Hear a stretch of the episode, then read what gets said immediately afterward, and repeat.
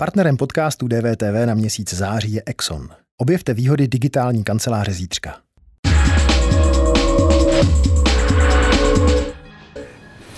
Počty lidí s pozitivním testem na koronavirus dále rychle rostou. Jsou na místě obavy z toho, co přinese podzim, nebo nemáme podléhat panice, jak říká prezident Miloš Zeman. Hostem DVTV je přednosta třetí lékařské fakulty Univerzity Karlovy a infekcionista nemocnice na Bulovce Jiří Beneš. Dobrý den. Dobrý den. Eh, tohle jsou slova, tak jak je řekl prezident republiky Miloš Zeman eh, včera v pořadu partie televize Prima. By bylo asi dobré, aby roušky byly povinné jenom v ohniscích nákazy, kterých je 160, zatímco všude jinde by měly být roušky dobrovolné. Souhlasíte s ním? Já velmi, eh, velmi nerad kritizuju ústavní činitele. Eh, to mně připadá takové málo, řekněme, etické. Já si myslím, ona, ještě k tomu rouškám. Existují tábory pro roušky, tábory proti roušky. Já si myslím, že roušky určitě smysl mají a jde o to, kdy mají smysl, kdy nemají smysl. A e, to samozřejmě v ložiscích té infekce, v ohniscích, tam by, se, e, tam by se jistě brát měly. A co se týče toho, jestli plošně nebo ne, to si myslím, že Eh, ještě nevím, jestli plošně znamená třeba plošně pro Prahu, anebo plošně, nebo, nebo jestli to ohnisko je třeba jedna budova. Mm-hmm. A eh, myslím si, že čím víc bude narůstat počet nakažených, tak tím spíš by byl důvod pro ta plošná opatření. Mm-hmm. Čili nevidím to jako jednoznačně ano nebo mm-hmm. jednoznačně ne. Co s vámi vlastně, eh, pane profesore, dělá ten neustále rostoucí, rostoucí počet jaksi nově odhalených pozitivních případů? Já osobně se toho nebojím. Já osobně si myslím, asi zase ve shodě s tím, co říkal pan prezident, že, že počet, počet nakažených není samo o sobě tak alarmující číslo. Důležité je počet závažně nemocných a případně počet zemřelých a v tomto směru je ta situace u nás stále dobrá. Je jisté, že když roste celkový počet nakažených, takže to znamená, že se pravděpodobně zvyšuje eh, jakási koncentrace toho viru v prostředí a tudíž roste i to riziko. A musíme se tomu přizpůsobit a musíme se eh, tomu úměrně chovat. To ano, ale samo o sobě tohle ještě není alarmující situace mm-hmm. a dokonce bych řekl, že eh, úplně paradoxně si můžeme říct, že to je z určitého pohledu i výhoda, protože čím víc bude teďka nakažených smírným průběhem, to je důležité, smírným průběhem, tak tím spíš jako eh, řada lidí se s tou nemocí setká, pravděpodobně aspoň významná část z nich si vytvoří imunitu, aspoň krátkodobou, a budeme tímhle lépe připraveni na podzimní možný nárůst zase počtu případů. Takže dobré. Eh, a my jsme teď ale těsně před začátkem podzimu, za pár dní vlastně začne oficiálně podzim. To znamená, my teď nejsme, nevidíte to jako začátek nějaké jako podzimní vlny? Teď, ne, to, co ne, se děje? Ne, ne, ne, ne, nevidím.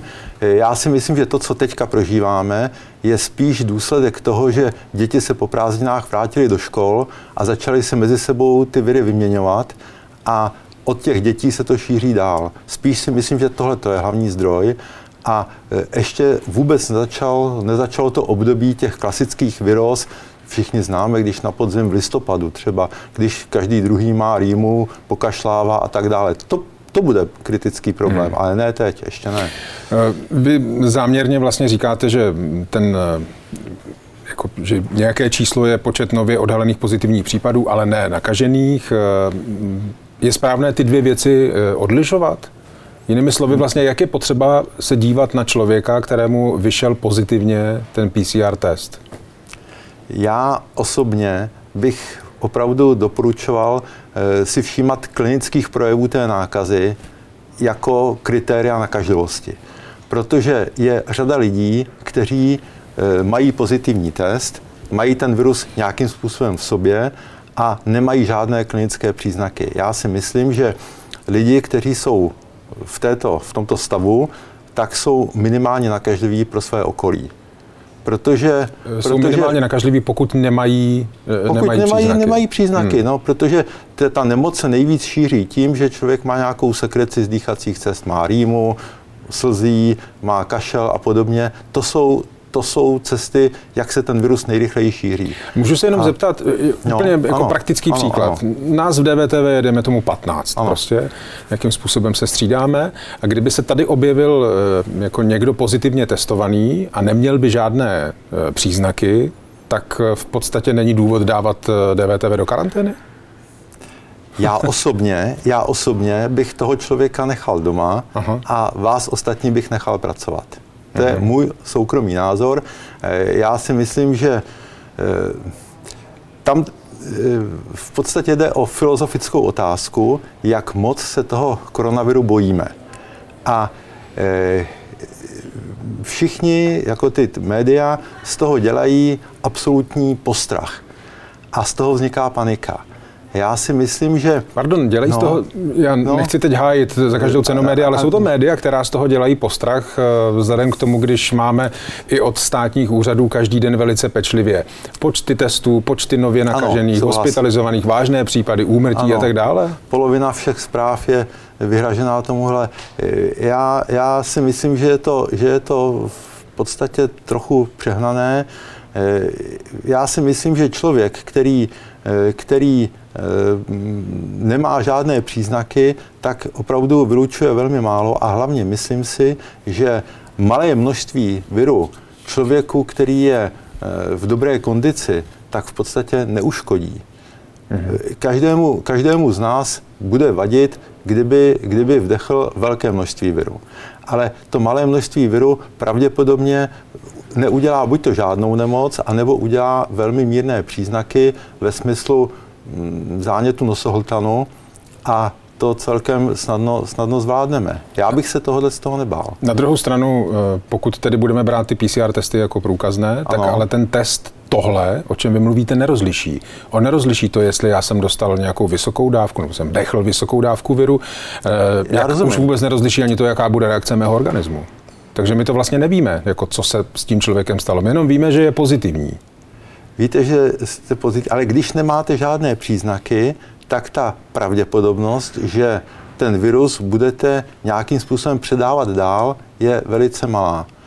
Můžete samozřejmě ho předávat dál tím, že mluvíte, budete ho předávat dál, když mm. budete třeba křičet nebo zpívat a tak dále, ale, eh, ale pokud se to odehraje na úrovni třeba takové konverzace, jakou tady vedeme my, tak si myslím, že eh, riziko toho přenosu je velmi malé. My jsme tady také v kontaktu, budeme tady, já nevím, čtvrt hodiny nebo něco takového.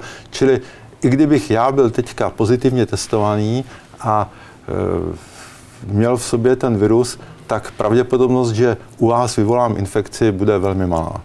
Jsem o tom přesvědčen. Podal jste mi ruku, když jsme přišli? Podal. To znamená, že takovéto podávání jako lokte považujete za jako přehnanou opatrnost? Viděli jsme to Ale, u návštěvy ústavních činitelů České republiky nad Chajvanu třeba. To není přehnaná opatrnost, to je e, způsob, způsob, jak se kdo chce chránit. Mm-hmm. Samozřejmě, když jsme si podali ruku, tak z toho zase vyplývá, že ta ruka může být kontaminovaná. To znamená, že já teď se budu snažit tou rukou třeba nezajíždět do obliče a podobně. Ale, ale to samotné podání ruky ještě není způsob, jak vás nakazím. To mm-hmm. potom vznikne až v další fázi, že s tou rukou dělám pak něco dalšího. Můžu si tu ruku vydezinfikovat. Tohle ještě samotně není tak hrozné. A znova říkám, všechno e, vždycky je potřeba uvažovat tak, jak velké množství viru tímto způsobem pravděpodobně předám dál, anebo naopak já akvíruju pro sebe. A rozumím tomu, že epidemiolog, infekcionista, no. prostě lidé no. z této jaksi odborné oblasti no. v těchto kategoriích mohou a dokážou uvažovat. Já jako like asi úplně ne. Jako já se nepohybuji na, eh, na uzavřených oddělení v nemocnicích a tak dále, takže je vlastně otázka, jestli já se někde vůbec můžu dočkat nějaké velké dávky toho viru. Můžu? Vy se jistě můžete dost, eh, jako, eh, dostat k velké dávce viru, eh, například tehdy, když pojedete dlouho já nevím, v nějakém dopravním prostředku, kde bude hlava na hlavě, mm-hmm. je to možné, jistě to může být někde v nějakých při sportovních utkáních, může to být při hromadných nějakých akcích. To všechno jsou rizikové situace, zejména tehdy, když je to uzavřený prostor se špatnou klimatizací, tak tohle jsou situace, kdy, kdy, kdy, kdy to riziko je významně větší. Dál se to riziko um, asi může zvětšit ještě dalšími vlivy. Jistě, že může být, že se dostanete do situace, že vám někdo já nevím, kýchne do obliček, v krajním mm-hmm. případě, tak tam dávka viru je zase daleko větší. Tam je řada věcí, které, které hrají roli. No a mm, pravděpodobně by pro jako laickou veřejnost, hmm. která je jaksi pod nějakými opatřeními menšími nebo většími, hmm. tak by eh, měla být orientována zejména podle toho, co vlastně třeba vrcholní představitelé země říkají o těch plánech, jak by to mělo vypadat, co by se mělo dodržovat, co by se nemělo dodržovat. Zajímalo by mě, jak vlastně tohle hodnotíte, jestli, jestli se to těm představitelům daří dobře komunikovat. No, tak k tomu bych jistě výhrady měl. Eh, mně se třeba líbilo to, co tady teď jsme slyšeli od pana prezidenta, ale na druhou stranu rovnou musím říct, že, že naši nejvyšší eh, političtí činitelé se tím sami za stolik neřídí. Eh, zrovna u toho pana prezidenta bych třeba jmenoval eh, takové ty známé případy, kdy po začátku té koronavirové epidemie se vrátil poradce nejedlý z Číny a do karantény nešel a měl jít hmm. například. Eh, mohl bych jmenovat tu známou zabíjačku na Jižní Moravě, která neměla být. Eh, mohl bych jmenovat u, eh, já nevím, u pana premiéra zase třeba to, že pravděpodobně si myslím, že byl v kontaktu s hlavní hygieničkou a, a nenechal se testovat. Já si myslím, že je velmi důležité, aby všichni dodržovali ta opatření a jestliže jestliže eh, ty nejvyšší eh, političtí představitelé eh, sami dávají takovýhle špatný příklad, tak potom nemají dost dobře morální právo to chtít po ostatních. A to je, to je docela špatná situace. Mimochodem, pardon, no. zmínil jste m, mm, paní hlavní hygieničku, mm-hmm. tak ona je covid pozitivní. Ano, je v mm, karanténě. Znamená to automaticky, že Nedodržela nějaká opatření, ne, o kterých sama mluvila? Ne, ne, ne, ne, ne, to si vůbec nemyslím. Já si myslím, že, že e, zdroje té nákazy, takové ty podprahové zdroje, jsou v podstatě všude okolo nás. E, ta, ta infekce na nás může čekat kdykoliv ale znova říkám, jsou to malé dávky toho viru, které vyvolávají minimální onemocnění. Já e, jsem slyšel, já teda jako k ní nemám tak blízko, abych věděl, jaký je, ale e, z toho, co se zase říká v médiích a podobně, tak ona je pozitivní, ale neslyšel jsem o tom, že by byla nemocná. Hmm. To je ten rozdíl. E, když Uvedu to všechno, co jste říkal tady a když se mhm. třeba podívám do toho, ehm, do toho vašeho koronavirového manuálu, který jste zveřejňoval a několikrát updateoval v Lidových mhm. novinách, kde vlastně v těch závěrech píšete, že infekce nemusí znamenat, že napadený člověk je nemocný, nemocný člověk nemusí být infekční a naopak bezpříznakový člověk může být zdrojem nákazy ano. a nález virové RNA ve výtěru z nosohltanu není sám o sobě důkazem, že vyšetřovaná osoba je infekční. Ano. Na základě čeho no se vlastně mají konstruovat ta eh, restriktivní opatření, když je tolik nejasností? No nejasností. Eh, znova říkám, ta, eh, ta diagnostika je velice komplikovaná a vyžaduje určitou zkušenost, určitou, určitý vhled do té nemoci a není to takové to inženýrské myšlení, prostě pozitivní nález rovná se nemoc, rovná se karanténa, rovná se všechno. Ale to je teď přece no, uplatňováno, ne? Je to uplatňováno, protože to je eh, řekněme, politické opatření a je to, je to, je to jakoby nejsnadnější, ale eh, ta, ta, ta reálná situace eh, prostě je vždycky komplikovanější a bylo by dobré ten nějak jako víc individualizovat ten přístup, to je jedna věc. A druhá věc, jak jsem říkal, eh, ta filozofie nemůže být o tom, že my tu, eh, to riziko té nákazy dostaneme na nulu. K tomu my se prostě nemůžeme nikdy dostat, ten virus tady je, my se musíme naučit s ním být. To je základní, základní pravidlo. Takže, takže říkám znova, malé množství té nákazy by nám nemělo tolik vadit. My se musíme snažit, aby toho bylo co nejméně. Ale nemůžeme to eliminovat a nemůžeme prostě všechno zastavit jenom proto, aby jsme se nenakazili. Mm, ta čísla, která jsem zmiňoval, mm-hmm. vlastně, která jsou každý den ano, vlastně nové přírůsty prostě ano. a tak dále a tak dále, tak uh, myslím, že je docela obtížné pro lajka dát si to do nějakého kontextu, uh, vzít si z toho ta jaksi správná čísla prostě a tak dále. Um, jako není to kontraproduktivní? Není kontraproduktivní mít uh, tato čísla a vlastně operovat s tím, jaké jsou denní nárůsty? Dále záleží opravdu na tom, jak jak k těm číslům přistupujete a představte si vy situaci, kdy bude začínat chřipková epidemie a představte si ta samá čísla a řekněte si, co uděláte, když začne chřipka, dejme tomu před Vánoci začne třeba chřipka, mm-hmm. budou podobné počty, budou ještě větší a budete chodit do práce, budete, když někdo dostane chřipku, zůstane doma, vy budete dál fungovat, rozumíte? A tohle si myslím, že, že lze. Takhle, no, takhle ale o to, o to patřičnější je vlastně ta moje otázka ze začátku. Co no. s vámi dělají ta rostoucí čísla v kontextu s tím, jaká, o jakých opatřeních se mluví? Protože třeba základní školy velice velké ano. množství říká, pokud 30% prostě bude v karanténě, jak učitelů, tak hmm. žáků, zavíráme celou školu. No. To samé se může dít i v jednotlivých podnicích, prostě uvažuje se o zavírání restaurací, prostě myslím tím eh, zkracování eh, otevírací hodiny a tak dále. Tak, eh, pardon, já se omlouvám ne. za ten termín, ale jako ne. neblbneme příliš? Tady je, tady je jeden velký problém, nebo dva. Jeden problém spočívá v tom, že jakákoliv opatření se vyhlásí, tak jejich efekt v té epidemiologii uvidíme třeba za 14 dní. Mhm. A mezi tím se může ještě něco dál dít, mezi tím to může pokračovat. Čili ono se to opravdu dost těžko řídí, když prostě ta latence je tak velká. Čili já chápu, že ty rozhodující činitelé se do značné míry bojí. To asi může být. No, na... Pardon, čeho se bojí? No, že rozhodnou špatně.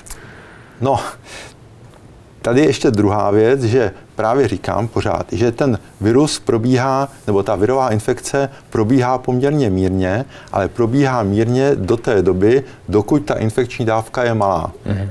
Čili když se dokážeme chovat tak, aby ta infekční dávka byla malá, tak je to dobré.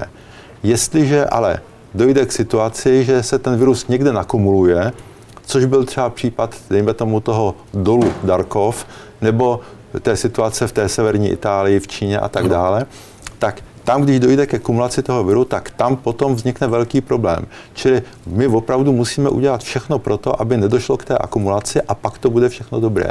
No, já tomu no, rozumím, no. co říkáte, pane profesore. Jenom by mě no. zajímalo, jestli vlastně ta opatření, o kterých se teď mluví, že budou přijata, jestli vám to dává nějaký elementární smysl. Protože třeba v hlavním městě se opatření rozšíří od středy také na obchody a nákupní centra, to znamená roušky, restaurace hmm. a bary navíc budou v noci zavřené. Ehm, jak rozumíte tomu, že pražská hygiena tohle oznámí, že se tedy situace nejen v metropoli, ale zejména v metropoli hodně zhoršuje a pak nechá vlastně pět dní všechno ještě běžet v tom starém gardu? Jako má to nějakou logiku? No, tohle je, tohle je těžké. Já jsem třeba, já osobně jsem třeba docela kritizoval v březnu, když se ze dne na den spustila opatření, která, mm. která byla velice drastická a znamenala třeba eh, zavření některých provozů a tak dále. A ty lidi, já nevím, třeba zrovna v těch, eh, v těch potravinářských, no v těch restauracích měli nakoupené potraviny a, a najednou... Ne, já vím, ale teď se bavíme přišla, o rouškách jenom. Já vím, já vím. Které s největší pravděpodobností každý z nás doma má. Dobře, to asi to, to, to asi nechci komentovat, to nevím, to neumím komentovat. Mm-hmm. Já, já, si myslím, že, já si myslím, že ty roušky v tuto chvíli v Praze si myslím, že jsou na místě.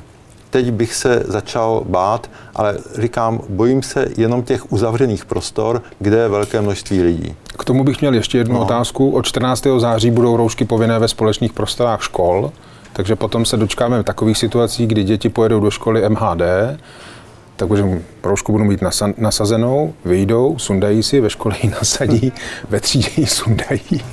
No. Je zajímavé, jak se jako expert díváte na funkčnost takových preventivních opatření. A já no. to nechci zesměšňovat. Já vím. Jenom vlastně, když jsem si to dítě představil, jak prostě takhle jako pochoduje a nandává a sundává, tak... Eh, je to, je to, je to, je to dost komplikované, eh, ale já si umím představit to, že opravdu eh, jako pokud se jedná o dítě takové starší, které už je schopné teda rozumového myšlení, dejme tomu třeba od páté třídy výše, řekněme, Eh, tak si myslím, že tam to logiku má, protože eh, přece jenom v tom, v, v tom dopravním prostředku je to riziko větší a zrovna tak, když se ty třídy míchají, tak zase tam dochází eh, k rychlejšímu šíření toho viru uvnitř té školy. Takže tuhle tu logiku to má. Jak je to, jak je to reálně proveditelné, to je druhá věc. A to musí říct pedagog, to ne, nemůžu říct já. Z lékařského hlediska tohle smysl má, ale jak je to, Pardon, jak je to reálně, nejste nahoru pedagog? No, no jsem, ale vysokoškolský. já vím, já vím. No, eh, vy mm, kromě jiného říkáte, že by si vlastně Češi měli zachovat chladnou hlavu. Co, co to znamená v kontextu toho, že za chvíli začne podzim a, a až podzim prostě bude v nějaké další fázi, tak začnou asi standardní chřipkové sezóny a tak dále. Takže jak to má vypadat, ta chladná hlava? No, chladná hlava pro mě znamená to, že bychom se měli vyvarovat obou extrémů. To znamená na jedné straně nepanikařit, to je jedna věc, o tom jsme už mluvili, na druhé straně nedělat frajera, protože to je taky špatně a e, jak si e, vyhledávat to riziko, vyhledávat takovéhle Eh, situace, kde se hodně lidí nahromadí na malém prostoru, tak to, to si člověk opravdu koleduje. Třeba ne o to, že on sám dostane těžkou infekci, ale o to, že on sám se nakazí tím virem a potom přijde třeba domů a tam nakazí babičku. Třeba takhle. Hmm. Čili to už potom představuje riziko pro lidi, kteří jsou oslabení a kteří by mohli eh, onemocnět vážněji. A ten uzavřený prostor je třeba restaurace? bar? Ono se to těžko nějak takhle specifikuje, to je právě takový ten zdravý rozum, protože jsou restaurace, které jsou vzduš, vzdušné a dobře klimatizované Jasně. a tam to riziko je minimální a jsou bary, které jsou utopené někde dole a vzduch se tam nemění, to si taky umíte představit. Hmm. No. Takže chladnou hlavu a selský rozum? Ano, to rozhodně. Bez přesné specifikace, co to je, tak to asi bude komplikovaná záležitost. Bude. Bude, bude, bude. Vy se nebojíte? to, já se nebojím. Zatím se nebojím. Já se považuji za člověka, který je relativně zdravý. Eh, nemám, nemám ty predispozice, které, které jaksi eh, zhoršují pravděpodobnost toho onemocnění. No a snažím se se dostat do situace, nebo nedostat do situace, kdybych eh, absorboval velkou infekční dávku. To je všechno. Děkuji pěkně za rozhovor. Děkuji taky. Naschledanou. Naschledanou.